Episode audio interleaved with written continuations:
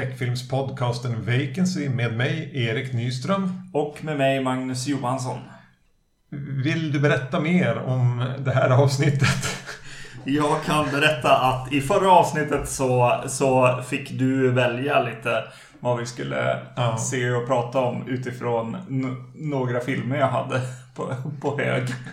Eh, du valde det du inte hade hört talas om i princip. Ja. Yes. Och eh, då blev det José Ramón Laras eh, filmer. Mm. Två stycken som var i, en double feature eh, Blu-ray som jag hade. Eh, och det är Emma Puertas Oscuras från 74 och eh, Stigma, Stigma från 1980. Ja. Estigma. Estigma. Eller stigma, den verkar heta båda sakerna. Ja. Eh, Laras har jag ju koll på. Eh, vi har ju inte pratat om några, någon Laras-film tidigare i podden. Mm. Eh, och det här är nog jättekonstiga filmer att börja med. För han har ju, alltså Symptoms är ja. ju ganska känd. Det är väl hans mest kända förmodligen. Mm. Tror inte jag har sett den. Uh, nej, jag har inte heller sett den. Men uh, han har även gjort Vampires. Mm. Som jag hör till den här lite lesbian vampire flicks från 70-talet. Som jag har sett och, och jag vill minnas att jag tyckte om den. Och jag har som gjort, gjort ett, jag tror vi har liksom redan förberett ett avsnitt som den ingår i sen, mm. sen något år tillbaka. Men det har aldrig blivit av. Och det blev då inte nu heller. Nu blev det bara några kanske mindre kända. Ja, precis. Eh, det, det, det, man kan se i filmerna nu när vi har sett dem är väl att det fin, finns något tema kring psykisk ohälsa. Ja. Eh, med kanske övernaturliga inslag i alla fall i en av dem där. Och den rör, jobbar lite grann inom familjen lite grann. Mm. I familjeband också. Just det. Det är spanska filmer. Laras Spanjor. Mm. Ehm, och jag vet egentligen inte så mycket om honom annat än att han har jobbat på ganska bra under både 70 och 80-talen och gjort ja men genrefilm. Mm. Eurotrash. Ja. Kan man väl kalla det. Yes. Eh, ska vi öppna de, ölen? Ja. Vill du ha ett glas förresten? Uh, ja, spelar ingen roll. Kanske känns lite mer... Ja, flaskan såg ut som att man skulle ha den i glas. Du ska inte ställa... Det är, ingen, det är ingen flaska som ser speciellt lättdrucken ut, eller vad man ska säga. Ja. Det här är alltså eh, nya tidens IPA från Pite Bryggeri. Yes. Upplev ölkultur från Norrbotten. Ja, det var inte jag som... Det står längst ner på flaskan. Det var inte jag som försökte.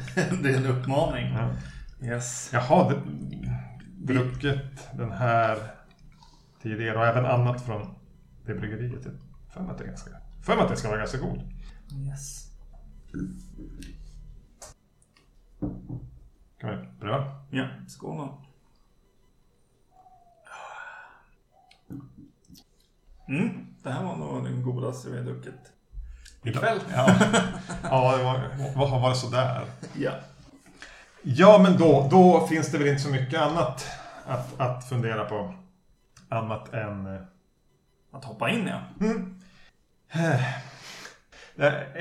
Emma Puertas Oscura eh, kretsar kring en ung, skulle säga sena tonåren, kanske tidiga 20-årsåldern, kvinna som är med om en bilolycka och får någon form av skallskada. Och det här leder till att hon börjar bete sig märkligt. Kanske har det triggat någon form av psykisk ohälsa. Hon lever tillsammans med sin adoptivmor och far, eller adoptivmor och dennes man. Mm. Men, börjar, men man börjar agera ut på lite olika sätt mot dem och mot andra.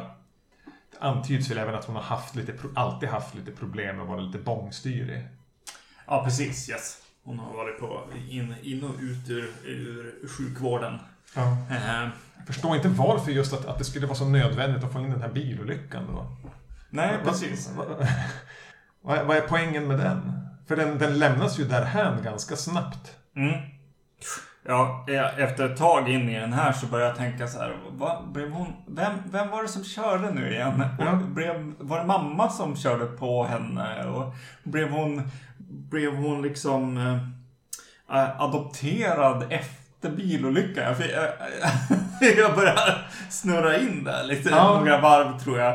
Eh, det, det, den är väl lite fragmentarisk på något sätt. I alla fall är bilolyckan där Ja. i början. Liksom. Är det så här, fragmentarisk eller rörig? Ja, Eh, vä- Välj själv.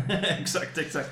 Eh, men eh, jag måste ändå säga att eh, det man slås av redan från ruta ett är ju hur, eh, hur cool den ser ut. Jag gillar verkligen den här looken som, som filmen har. Den är väldigt konstig och eh, alltså den är ju liksom urblekt. Ja, den ser ut som den har gått många varv i, i så här 60 grader. Yes. Det är mycket vitt och ljusgrått som färgskalan. Och mycket av inredningen har det. Och där, där det är någonting som har färg så är det som att det här vitgrå urtvättade bara har tagit över en, en grön kudde eller vad det kan vara. Ja, en liten blek turkos liksom, färg kommer in lite då och då. Och just den här bleka grejen, alltså, eller looken gör också att vad det, folks eh, ansikten blir lite så här lila nästan. Ja. Eh, I looken. Eh, det är något, något, något drömskt, något lite så här. Jag tänkte på, på eh, något försök till så här persona eller, eller så kanske. Någonstans. Det är så, vad, är, vad är en olycka här i, i Ja. att, att det var en låg budget och, och, och, att det är en ganska sliten kopia. Ja. Eh, vilket inte stör mig någonting. Nej, Jag hade verkligen. inte velat att den här skulle se ut på något annat sätt än så här. Nej, precis. Och eh, det häftiga med den eh, på Blu-rayen här som, som jag hade är ju att det är en så jävla skärpa också. Ja. Alltså eh, om, om det är någon som har gjort sitt jobb så är det ju focus pullern. eh, när man ser varenda liksom fräken på, på huvud, huvudpersonen här, eller man ska säga, Emma. Mm. Eh, och eh, ja, det, det är mycket trevligt att se på alla, all, allt gryn och, och eh, allt den har varit med om, den här filmen. Jo, den har, den har, det känns som den har legat på någon hylla där i Barcelona Mm. i några år och inte varit så uh, väl omhändertagen. Mm. Eh, men som sagt var, jag hade inte velat att den skulle se ut på något annat sätt. Nej. Stilen i sig är ju även, kamerarbetet är ju ganska hastigt och lite ryckigt. Alltså den, bör, den kastas ju in i den här. När man trycker på play, så innan man riktigt har hunnit förstå att den är igång så är det ju i handling med hon Mm. som ligger på ett sjukhus med någon hjärn, eh, för någon hjärnundersökning eller vad det är. Mm. Det är som raskt där och så ofta lite så kan göra någon snabb handhållen panorering och, Mm. och, och klipper lite när man Minst anar. Ja, och jag, det, är inte bara, det är inte bara bra heller. Alltså, Nej. det, blir, det, blir, det känns ibland fumligt som satan. Och ibland kan det ge lite så här. Ibland får de till något sånt här bra rörelseklipp. Att de har tittat på någonting av kameran som bara piskar iväg åt höger. Så klipper den i det när den piskar vidare och så är någon och går i skogen. Mm. Som ser bra ut, men i- annars kan man, tappar man helt orienteringen också. Ja. Så det, det är lite högt och lågt Mm. i, i, i hur den är gjord, rent kamerarbete i övrigt. Yes. Mm. Och egentligen i berättandet, som du sa. Det är, trots att den är ganska nedkokt till få karaktärer, är det inte helt lätt att vara säker på vem som är vem till en början och, och så. Ja, precis. Jag fastnade mycket för också, alltså i ålder liksom, den här Emma. Hur gammal är hon?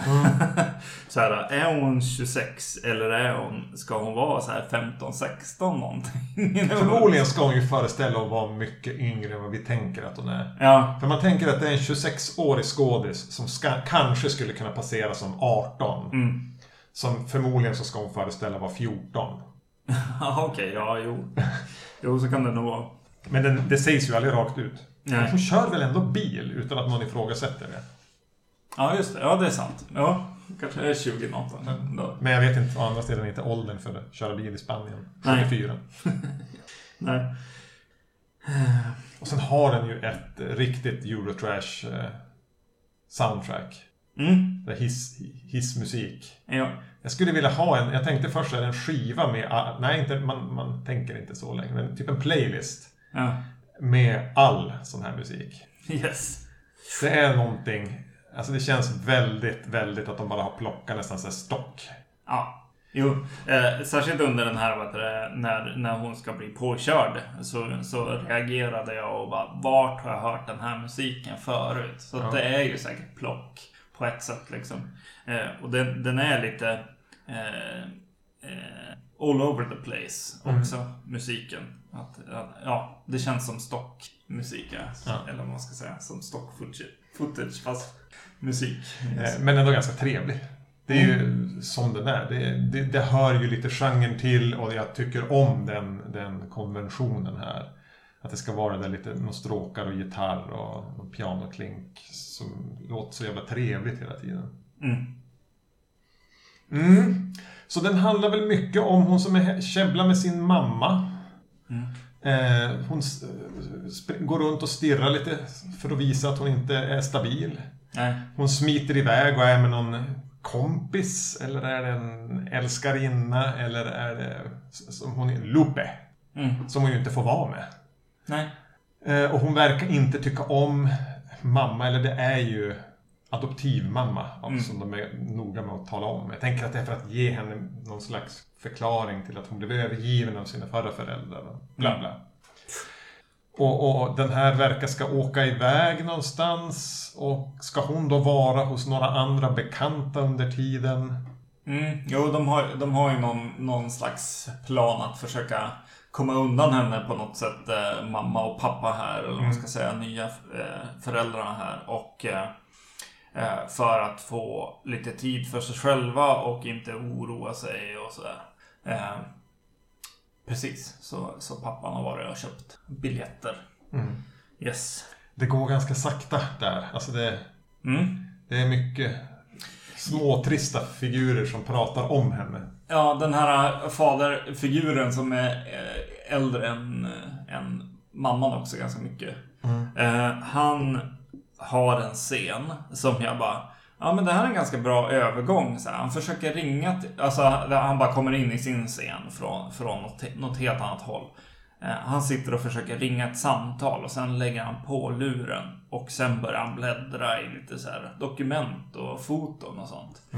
Och jag bara, ja men det här är en ganska bra övergång till en scen liksom. Eh, att bara, nej jag fick inte tag på den där, jag gör mitt annat jobb och så helt plötsligt ska vi få veta någonting så här. Men det är som att han bara bläddrar i lite papper och, och så får man se någon bild på, på Emma där. Ja. Eh, men den leder som ingen vart. Nej. Så jag bara, ja, ja, det var lite besvikelse då helt plötsligt. För jag kände bara, ja men här, här var det en liten bra övergång liksom. Så bara, nej. Ja, det är en del grejer som bara sipprar ut i, i ingenting. Nej.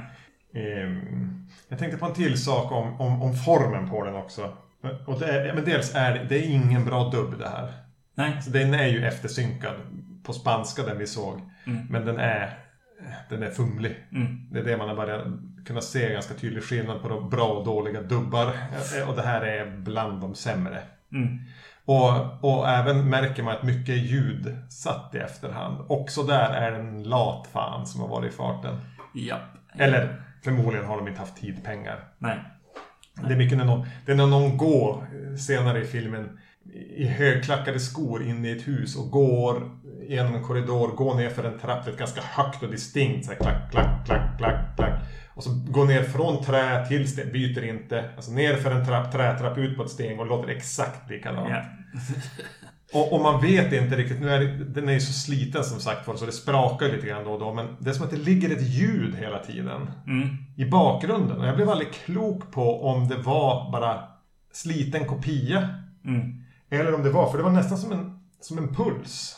Just som gick baklänges och lite ibland ojämn i takten. Ja. Jag blev lite stressad av den. Och återigen, oklart om det är medvetet eller inte. Nej. Eller om det var ett så här störljud på, på den delen av filmen. Ja. Som de inte kunnat ta bort. Jo. Eh, mm.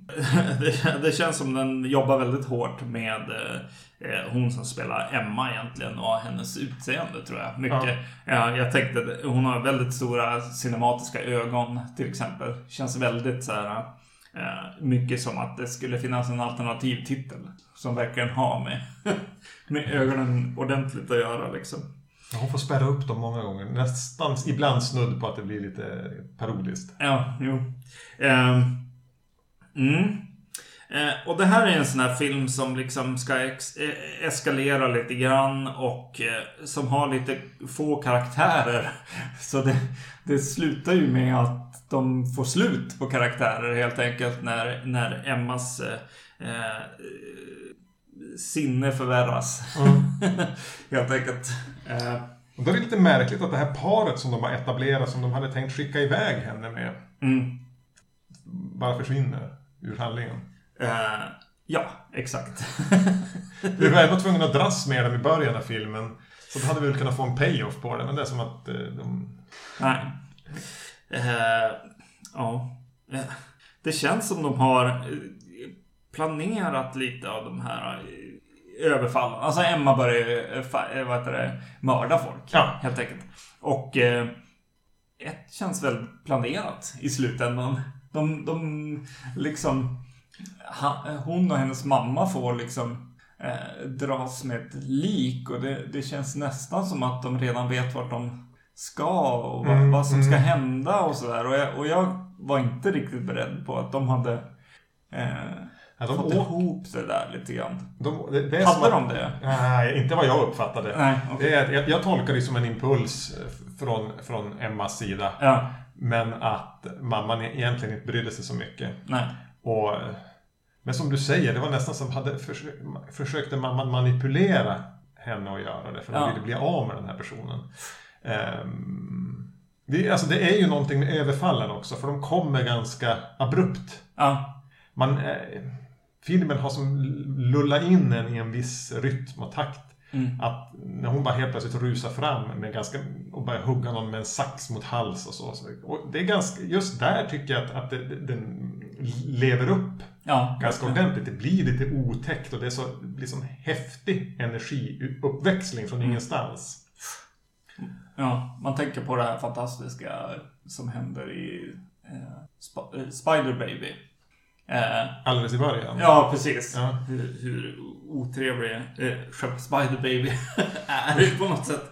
Eh, det reflekteras här eh, definitivt. Eh, likna, liknande så här, eh, våld från någon som är lite barnslig liksom.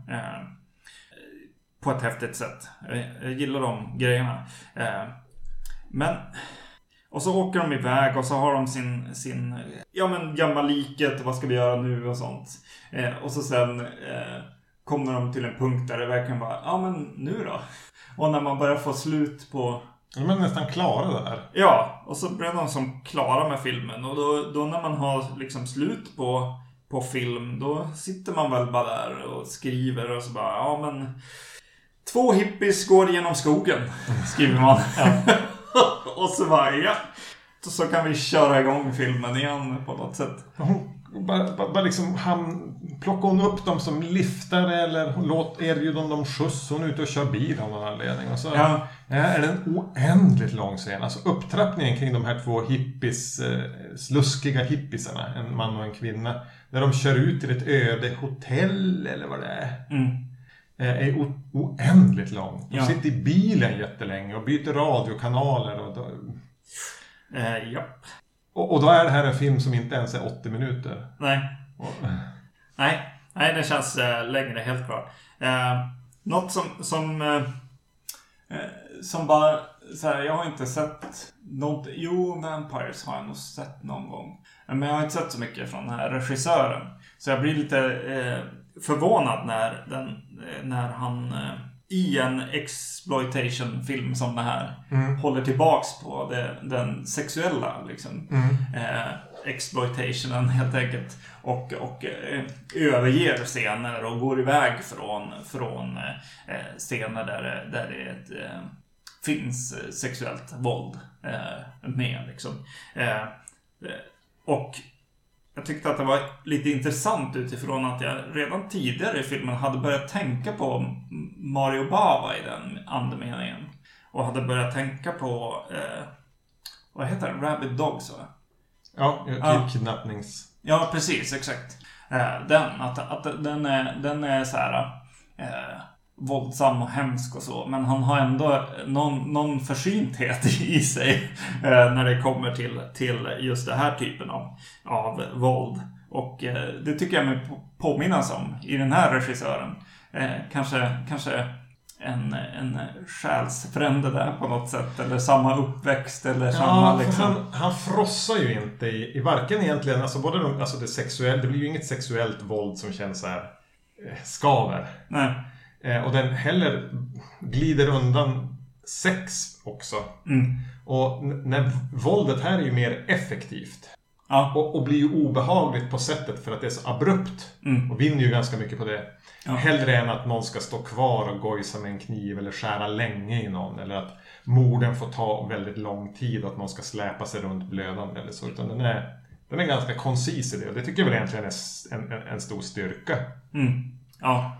Men det blir gräsligt segt i det där hotellet. Ja. Ja.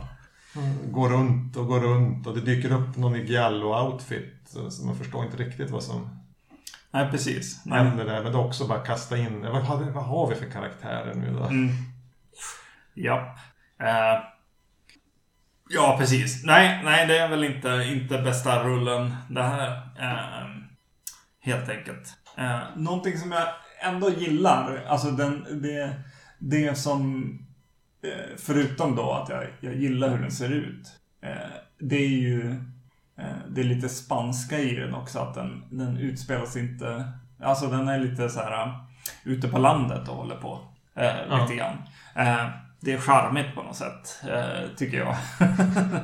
eh, och egentligen är ju det den stora skillnaden när det kommer till euroskräck liksom. Mellan Spanien och, och eh, Italien. Italien är väldigt urbant. Ja, precis. Det är Milano och Rom. Och här är Spanien letas ut på landsbygden hela tiden. Ja, precis. Och i, i, i Italien blir väldigt mycket så här... Eh, liksom societet eller kanske konstnärer och, och sådana liksom kretsar ja. också. Och här blir det lite, lite mer, eller i, i Spanien är det ju ofta lite mer eh, eh, lantigt, eh, mer, mer små byar och sådär som, som, och borgmästare liksom. på sin höjd. eh, yes, och eh, när jag, när jag börjar tänka på det och även eh, vi kommer komma till nästa film som, som är en samproduktion med Italien. Ja. Eh, så han är, är i Italien där och gör filmen. Så att vi kommer se skillnaden ja. på ett sätt. Spännande. I, i de här eh, filmerna. Eh, då vill jag göra en liten shout-out för det, för det var någon som påpekade just den här skillnaden eh, så tydligt och bra eh, för mig eh, när jag var på en av de här där de visar italiensk eh, skräck nere i en källare. Är det de som visar Stockholm? polisfilmerna där också? Ja, precis. Och eh, de, jag, jag, tror att de har lagt ner. Men eh, en av de som driver den, jag tänkte göra en liten shout-out till en podcast. Ja, men mm, gärna för mig. En av de som driver det, Peter eh, Gilmstad, skulle jag säga att det här namnet uttalas. Eh, tillsammans med eh, en engelsk eh, Giallo-kännare som heter Rachel Nisbet eh, har en eh, podcast som heter Fragments of Fear som är en Giallo-podcast. Eh, det lät precis som en dokumentär om, en, om typ Sergio Martino eller något. Det skulle kunna heta Fragments of Fear. Eh, precis. Eh, de här två personerna är ju väldigt, väldigt kunniga med, med eh, Giallos. Och du kan i princip fråga vem som gjorde, gjorde lunchen på på the set liksom. på någon film. Det är eh, Tim Lucas nivå. Ja, precis. Yes. Eh, jag vet att, att han och hon har, har börjat göra lite av de här extra material på, på eh, Blu-rays och, och sånt också. Yes! Eh, jag rekommenderar den eh, podden helt klart om ni är väldigt inbitna eh, Giallo-fans. Fragments of Fear mm. heter den. Spännande. Mm. Vi, vi, vi lämnar kanske Emma Puertas Oscuras då. Ja. Jag körde Puertas Oscuras i, i eh, Google Translate. Ja. Mörk dörr. Mörk dörr, ja. Just det. Då eh, är vi på Estigma. Mm. eller Stigma, som den heter på IMDB. eh, från 1980. Och som sagt, här, här är vi lite mer i, i italienska marker. Eh, lite mer eh, urbant. Vi får träffa Sebastian som verkar ha kanske eh, telekinetiska krafter eller kan han se in i framtiden och kan han, kan han till och med ha carry-förmågor när han blir arg. Får, han, hans bror, hans mamma som är lite oroliga för honom för han lyckas inte i skolan och folk runt omkring honom som stör honom verkar drabbas av olyckor. Och han plågas även av någon uppfattning om att han är någon annan. Och det börjar andra i hans omgivning göra också. Eh, någon som verkar ha levt i en annan tid. Mm. Ja. Ja, precis. Ehm, den, här typen av film bara vill jag kommentera direkt att så här, eh, den här typen av så här si-krafter, alltså eh, psychic powers, liksom abilities, skräck är inte min grej Nej. jättemycket. Det är mycket så här, åh det ligger någon sjuk i en säng och, men kan ändå vara ute och mörda på natten. Genren. Patrick, genren. ja, precis. Jag har aldrig riktigt fastnat för den. Så utifrån det så tycker jag att den här är lite charmig å andra sidan. Jag tror att det kanske är mer, mer känslan i den. Jag tycker att han, eh, huvudkaraktären här, eh, eller vad man ska kalla honom. Jo, men det är han ju. Eh, eh Spelad av Christian Borromeo. Eh, just det, han heter Sebastian, ja.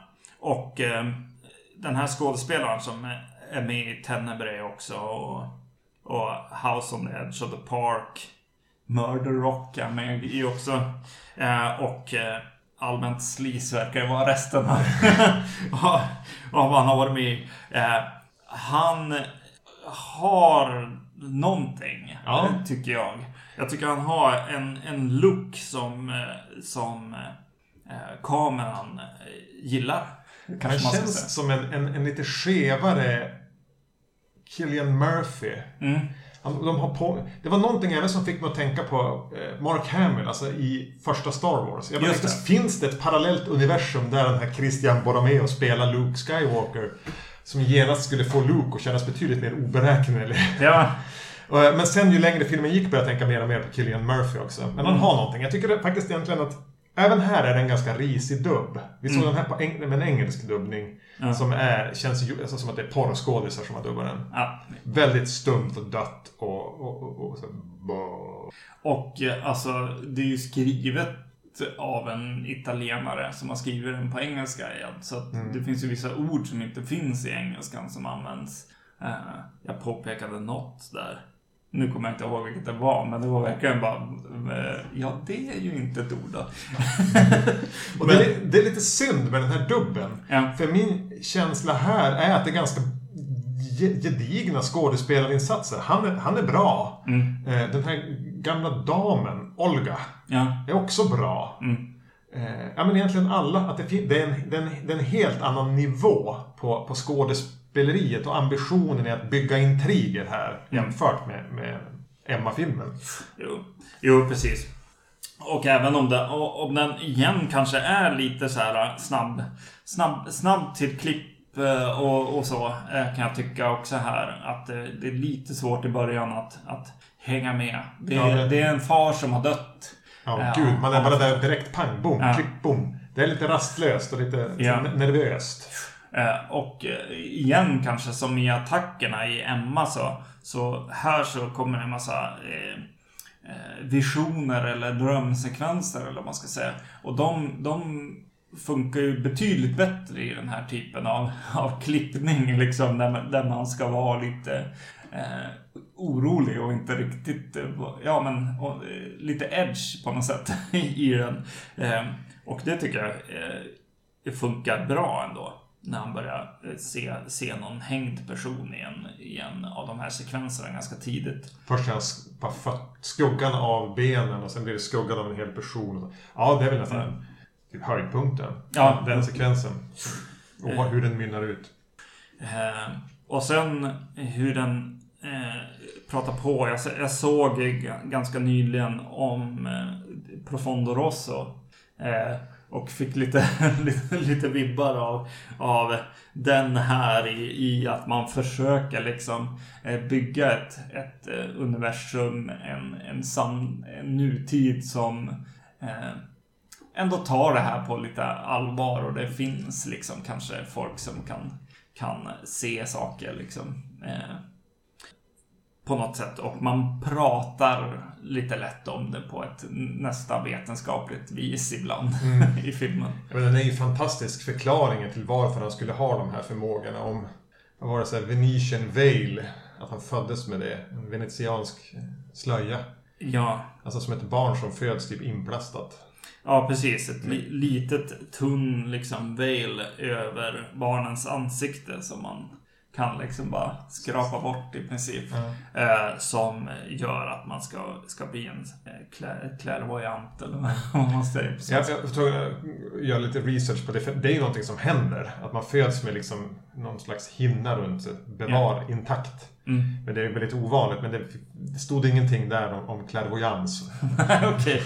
Ja, jag, jag, måste ändå säga att jag, jag tyckte att det var en otroligt coolt eh, knep. I alla fall för mig. Ja. Att, fan, det, det, alltså kreativiteten liksom i mig gick igång. Helt klart. Det här ska jag notera och eventuellt använda i framtiden. Shit vad coolt det var. Eh, på något sätt ändå. Ehm. Men här är det mycket, som jag sa, den, lägger ambition på intriger, den bygger upp hela familjen här. Pappan har dött i början. Förstod aldrig riktigt varför det skulle vara så viktigt. Eh, så vi har en, änka kvar och så Sebastian här och hans bror, hans brors eh, flickvän och några fler karaktärer. Så vi får en, en familj och man, man, den är ju betydligt matigare i intrigerna mm. än, vad, än vad Emma är. Men mycket bygger på att de här karaktärerna är oroliga för Sebastian eller gnäller på honom. Mm. Eh, och han verkar vara ganska olycklig av lite oklara anledningar. Är det de här visionerna som stör honom? Är det pappans död? Ganska tidigt i filmen är det ju uppenbart att han använder sina krafter till att putta en tjej som han först nästan har försökt våldta upp i ett torn. Mm. Så att hon faller till sin död. Mm. Eh, men det gör man ingen grej av riktigt. Uh, nej, precis. Han, han verkar ju definitivt ha något, något, något problem uh, sexuellt. Mm. uh, som ingår i, i hela mysteriet på något sätt. Och jag tyckte att den, den scenen helt klart hade en liten nerv. I tornet? ja, i tornet. Mm. De klättrar, klättrar upp där, han tillsammans med en klasskompis eller vad, vad hon är. Och hon börjar väl inse att det här är inte bra. Uh, höjd kanske, mm. men också så börjar hon förstå hur ensamma de är. Uh, och hur trängd situation hon är i. Och att, så han att, kanske är någon man inte vill vara i, i, i, i, en sån situation med. Nej, precis. Och, och just hur man, hur man känner med, med henne och förstår vad hon tänker och att hon vill därifrån eh, tycker jag eh, porträtteras väldigt bra i, i den sekvensen. Eh, mm. Eh, så jag gillar den sekvensen. Eh, jag tyckte den, den fick en lite tafatt finish bara. Ja. När hon helt plötsligt kommer flygandes ner från håll. Och, eh, man kanske kunde ha stannat kvar lite i, i hennes situation när det händer någonting. Ja. Eh, mm. Eh, så där blir, alltså, jag börjar som, ja men okej. Okay. Den här filmen handlar om att han går runt och dödar folk som gör honom han blir arg på. Och den pratar ju rätt mycket. Han bara, ja men jag kan ju inte styra vad jag tänker. Nej, det säger han hela tiden. Ja. Han återkommer till det hela tiden. Eh, när de börjar ana att det är någonting som är fel och sånt där. Men den, den tar inte riktigt sig ja men okej, det blir typ en stoppa mördaren-film och någon som står honom nära kommer måste döda honom. Mm. Men den tar inte, den, den vill inte dit. Nej. Utan den, den som att sliter sig loss och, och, vill och kanske gegga runt i den här eh, i, i relationerna mellan karaktärer. Mm. Det tycker jag blir ganska tråkigt. Ja. jag är inte så såld på den biten. Den blir segt med den här överengagerade flickvännen till hans surmulna bror. Mm. Och eh, alltså den här mamman, jätte... Alltså, att hon skulle kunna vara mamma till hans bror är omöjligt. Ja. Det är mycket god vilja för att hon skulle kunna vara mamma till han. Ja. Eh, Så det stämmer inte riktigt åldersmässigt. Hon som, man tänker att det finns ett så här moderskomplex här. För det målas som upp det. Man får... Ja, men det är någonting med... Han hjälper henne att klä sig och... Och antyds att ja, men, pappan kanske har dö- dött för att han var otrogen. Mm. Så att, säga, och han är där och lyssnar på någon inspelning när mamma har en ny man. Mm. Så, så, så, men det tar ju, leder ingenstans heller. Var, var, vart tar mamman ens vägen i den här filmen? Ja. Hon bara också glöms bort. Jo. Eh. Mm. Så sånt där, alltså jag, Ja. det tas inte vara på, det, det leder ingen vart en del och en del. Det, där blir jag, det, det blir trist. Ja. Jo. Eh, yes, det stämmer. Bara innan, innan vi, när vi sen avslutar den här samtalet om den här filmen så skulle jag vilja hoppa in med lite spoiler eller frågor om Ja. filmen. Eh, så, så har ni sett den så får ni eh, hoppa in sen då. Eh, jag säger till när det är, om det är något eh, mer vi vill säga innan det. Eh, För det man kan säga egentligen, efter att den har varit det och man har tänkt att det handlar om att stoppa han som mördare. mm, Så är det som att den bara börjar glida iväg och mer utforskar de här visioner han har som verkar höra till en förfluten tid. ja. Att den förirrar sig. Mm. Ehm, och det är ganska... Det var, jag var inte beredd. Alltså jag, jag hade sån... Bara, bara slappna av i att jag visste vad jag skulle få. Jag måste bara ta mig igenom det här utfyllnadsgegget. Ja. Men, när jag sen började... Vänta nu. Var åker han i taxin? mm, Vart, vart ska han någonstans? Vad har det med det hela att göra? ja. Är han fortfarande huvudperson? Han ja, precis. Just det. Och han, och han tar en helt annan roll helt plötsligt Ja. också och vill, vill börja lösa det här fallet. Ja. Från att ha varit den man tänker att de måste stoppa som mördaren. Ja. Så blir han en, egentligen en, en Giallo-hjälte. Mm. Utan att jag märkte det. Ja. Eller var- och framförallt inte var beredd på det. Nej. Eh, och jag tänker, ser man den ännu slöare. För att man, då har man, alltså jag var ju vilse ett tag. Jag famlade ju. Vad är det? Vart ska vi? Ja. Det är ganska schysst att de gör den där giren ändå. Ja. Eller Laras gör den, eller vem det nu är som har bestämt det. För det är det som, det ger den en rätt unik eh, touch. Mm, verkligen. Eh, ja, det gör den. Och eh, jag, jag, jag hade absolut eh, trevligare med den här filmen. Jag började tänka så här.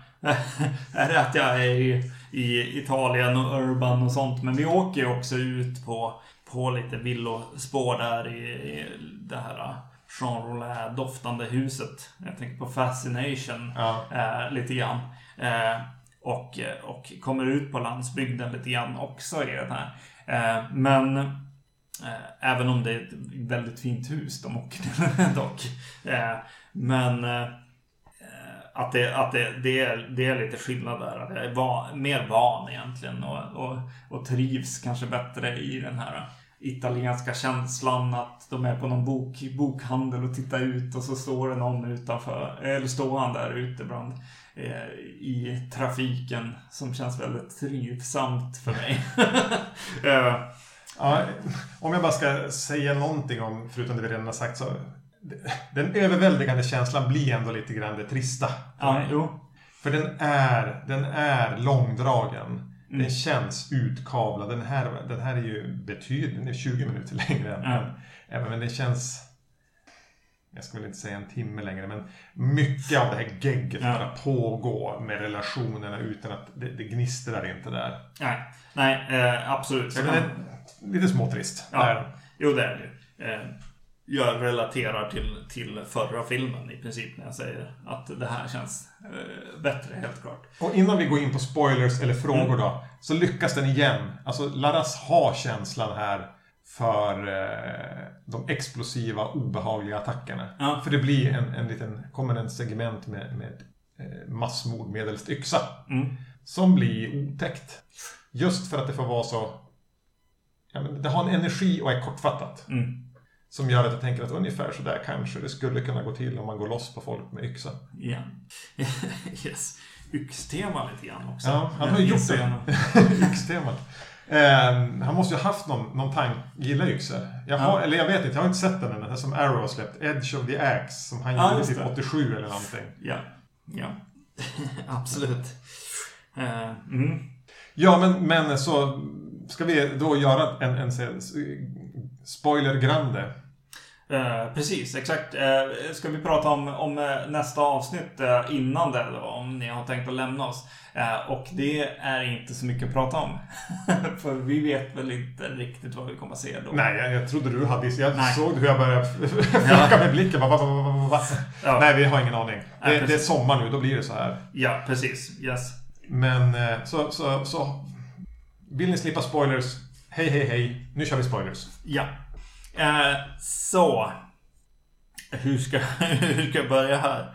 Eh, här kommer en väldigt eh, konstig fråga egentligen. Eh, jag tänker du att nu, nu, nu tänker jag att alla, alla som lyssnar har sett den här eller så. Så jag kan, jag kan ta lite frågor som är väldigt så här, Ingrottade. Eh, ingrottade, ja. Precis. Eh, så, det som vi får se här då är att bak, i, i bakgrundshistorien här så finns det en, en incesthistoria. Ja, men vi hamnar i 1800-tal kanske. Ja, precis. Det vi gör det va? Ja. okej. Vi Mm. kastas långt bakåt i tiden. Han byter ju namn till Michael. Ja, Och har en sexuell relation med sin syster. När hon sen blir bortgift. mm. eh, Och inte verkar ha någonting emot det. Så går han bärsärkagång och hugger ihjäl hela sin familj med en yxa. ja. Eh, och sättet vi hamnar där är ju bara liksom att han, de åker till huset. Han, han lägger sin säng. Helt plötsligt kommer den här systern in. De har sex. Och sen är vi... Har vi, har vi bytt tidsepok? ja. Ja, det är coolt på det sättet. Just det. Hur det är så ogenerat bara byter. Ja, jo. Eh, och jag- en av frågorna är ju då eh, ett stigma. Eh, I allmänhet för mig så är det ju någonting som är eh, någonting som är lite så här negativt. Någonting som man kanske borde ifrågasätta. Eller liksom- Socialt stigma. Ja, Det är typ att, att, att jag kommer från en missbrukarfamilj där alla mina, mina familj är tungt kriminella missbrukare som alla vet vem Christer Pettersson är min pappa. Då har jag det som ett litet stigma för alla vet det. ja, precis. Yes. Eh, och någonting man kanske borde börja jobba på för att lösa och, och hitta liksom mer eh, förståelse kanske eh, från samhället. Ja. För, tänker jag lite grann. Du tänker att incesten här, det är stigmat. Det, det här stig, stigmat i den här filmen känns väldigt annorlunda. Det känns som det skulle heta något helt annat. Ja. Eller? Skulle du säga att det här är stigmat i filmen? Nej, Nej, okej. Vad är stigmat i filmen? men de pratar ju om stigma Ja. lite grann tidigare med de här att, att, att jo, men man kan frammana saker om man vill det. Det finns ju de troende som får så blödande sår. Stig- Stigmata. Stigmata, ja. Mm. Och Att den har rört ihop det. Eller, eller en ordlek. Mm. Med stigma, stigmata. Okej, ja, vi, vi, jag hoppas på det då. Ja. jag, jag gör så. Tänker att de här, de här filmskaparna inte är helt tokiga. Nej, men jag, den kan vara ett litet skämt. Det Ja. kan vara ett skämt, titeln då. Ja. Uh, alltså, jag fick ihop det väldigt konstigt på slutet. Och eh, 18, eh, 1800-talet eh, säger ju emot den här teorin. Eh, men han, han är ju väldigt lik en man som fanns på 1800-talet. Som att han har levt det livet. Antingen, alltså, ja. Eh, och då börjar jag tänka så här. Eller Mm. är han eh, descendant liksom i en, i en in, incestuös cirkel på något sätt här. Och, och mammans roll här är eh, att ha varit systern. Eh, vid något tillfälle i den här historiska virveln. Oh, ja, för pappan är ju samma som spelar, alltså pappan är ju densamma. Ja. Pappan vi får se i någon tillbakablick Ja, just det. i, i nutida, här, 1980, är Mm. ju samma person som spelar pappan i 1800-talet. Ja. Men i nutiden har det aldrig pratats om någon syster. Då har han den här brorsan och helt plötsligt börjar de prata om en syster och jag tror att jag har varit okoncentrerad. Ja. Men hon finns ju inte i nutid. Hon Nej. finns ju bara i dåtiden. Han blandas ju ihop Han med... blandar ihop det, ja, precis. Han blandas ihop med en person som levde för hundra år sedan. Ja.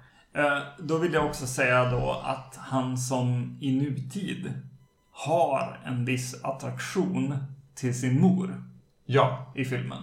och att det då skulle även kunna vara hans Syster. I dåtid. Ja, kan det vara så? Ja, jag, nej jag vet inte. jag, jag vet ju inte. Nej, nej. Det, var, det var bara så här, hmm, kan man få ihop det så? så? Är det det de har gjort? Eh, eh, eller försökt göra? Eh, men, ja, nej jag vet inte. Det, det, det, det var den stora tanken, tanken lite grann som jag fick. Var det det du sa? För mot slutet av filmen så sa du bara Jaha! Eller det där kanske du har förstått redan? Ja, det var det. Ja, nej, jag, precis. jag, var, jag tänkte att nu är oh, vad är det jag Ja. inte har förstått? Ja, jag, nej, jag tänkte att de skulle fortsätta filmen Ja. i princip. Och, och göra den Ja. eh, lilla kopplingen liksom. Men eh, det är klart att det hoppas ju för långt bak i tiden för att det ska sitta ihop. Jo, jo. Det är en jävligt På något rejält skutt. För att syst, det, för varför jag börjar tänka på det är för att systern är eh, inte lika skadad som de andra. Och eh, faller som bak, bakom en grej liksom så här. Så jag tänker att så här, ja, hon kunde ju ha klarat det där. Ja, ja. Mm. Eh, lite grann. Eh, hon hade även folk nära sig och sådär. Eh, som kunde hjälpa till kanske. Jag kommer inte ihåg. Eh, Men jag förstod inte slutet heller riktigt. När han ligger i sängen mm, och bara ser död ut. Eller är död, Ja. som jag tolkar det. Men han... För jag trodde att han skulle hänga sig i slutet. ja. Men han ligger ju i en säng och håller i en bok. Tittar uppåt. Det är ganska otäckt ser det ut. Ja, han ser ju död ut. Ja. Han är ju död. Han har, jag tror han håller i ett brev, skulle jag säga. Ja, Att ja. Mm. Eh, någonting till sin eh, mor, tänker jag. ja. Ja, att det är. Men, ja, nej, jag, jag, vet inte. Ja, men det är ju lite schysst då med de här. Alltså den lämnar en del obesvarat som kanske faktiskt finns en tanke med. Mm. Eller det gör det nog. Man, att man får ha med sig lite, lite att grunna på. Och det kommer, jag tänkte när du sa det här att du inte gillar de här Mm. eh, Psychic Powers filmerna. Och det kommer några sådana. Jag vet att både i Spanien och Italien vid den här tiden så gjorde de några. Mm. Både åt det här hållet men även som kunde leka lite grann med tidsloopar och sånt. Mm. Jag tror att jag kan ha nämnt, refererat till den här filmen förr. Och jag, kan jag ha den någonstans? Och, och den börjar med att någon vaknar upp på en hippiefest. Så här, det ligger typ folk här, och, och, och sover tillsammans i soffor och sånt. Och att telefonen ringer. Den börjar så med det. Mm. Och en ung man. Den har lite samma det här ble, urtvättade fotot som Som Emma har. Mm. Mm. det skulle kunna vara Larraz som har gjort den. Eller någon, förmodligen är den spansk. Mm. Som jag har sett för så här 10-15 år sedan. Som har också det här som, som ja, men är den en tidsloop? Och vad är, alltså det blir ett mysterium och kanske börjar den där den slutar eller slutar den där den börjar. Eller vad är egentligen början och sånt där. Mm. Att det kommer någon våg med de här lite eh, försökte vara lite mindbending Mm. på ett sätt Eurotrash-sätt. Ja. Men med, den här lyckades kanske inte ägga mig tillräckligt, även om jag gillade giren den gjorde. Mm. Eh, nej, precis. Nej, det finns mycket, mycket bättre saker att, att se än båda de här filmerna, helt klart. Uh, Estigma är ju uh, guldkornet kanske då i, i de här två, Ja. kan jag tycka. Ja. Jag är inte lika säker, alltså för mig ligger de ungefär lika. ja, jo. Ehm, Jag tyckte att Estigma blev tristare. Mm. Emma kändes mer så här bara... Ni hittar ju på det här medan ni gör det. Så den har lite den här otyglade... Den här kändes mer stöpt så här att de hade koll. Eh, Mm. med, med både vinst och förlust. Den får ett mer en tristess över sig. Jo. Än större. Mm. Eh, men den har ju även många bra poänger. Mm. Men kanske inte tillräckligt många. Det är, båda, alltså generellt så är ju båda småtrista, tyvärr. Ja. Ja, jag håller med. Yes. Ja, men det var ändå kul. Mm. Kul att ähm, göra det. Och, och, och som sagt att vi måste göra mer Larras. Vi borde komma till de här lite... Vampires kanske blir nästa i det där avsnittet som jag har bakat ihop någonstans i något Mm. dokument. Eh, men... Eh, ja men... Vacancy Podcast. På Spotify och på iTunes. Och finns ens iTunes längre? Jo då. Ja. Eh, andra podcastleverantörer. Ni kan eh, söka upp oss på Facebook. Ni kan söka upp oss på Instagram. Där jag heter Erknym och du heter... Zombie-Magnus. Vi tar emot kommentarer även där. Maila oss på podcast at vacancy.se. Tack för att ni tog er tid på att lyssna om detta avsnitt om José Ramón Laras filmer. Yes. Ha det bra. Hej. Hej!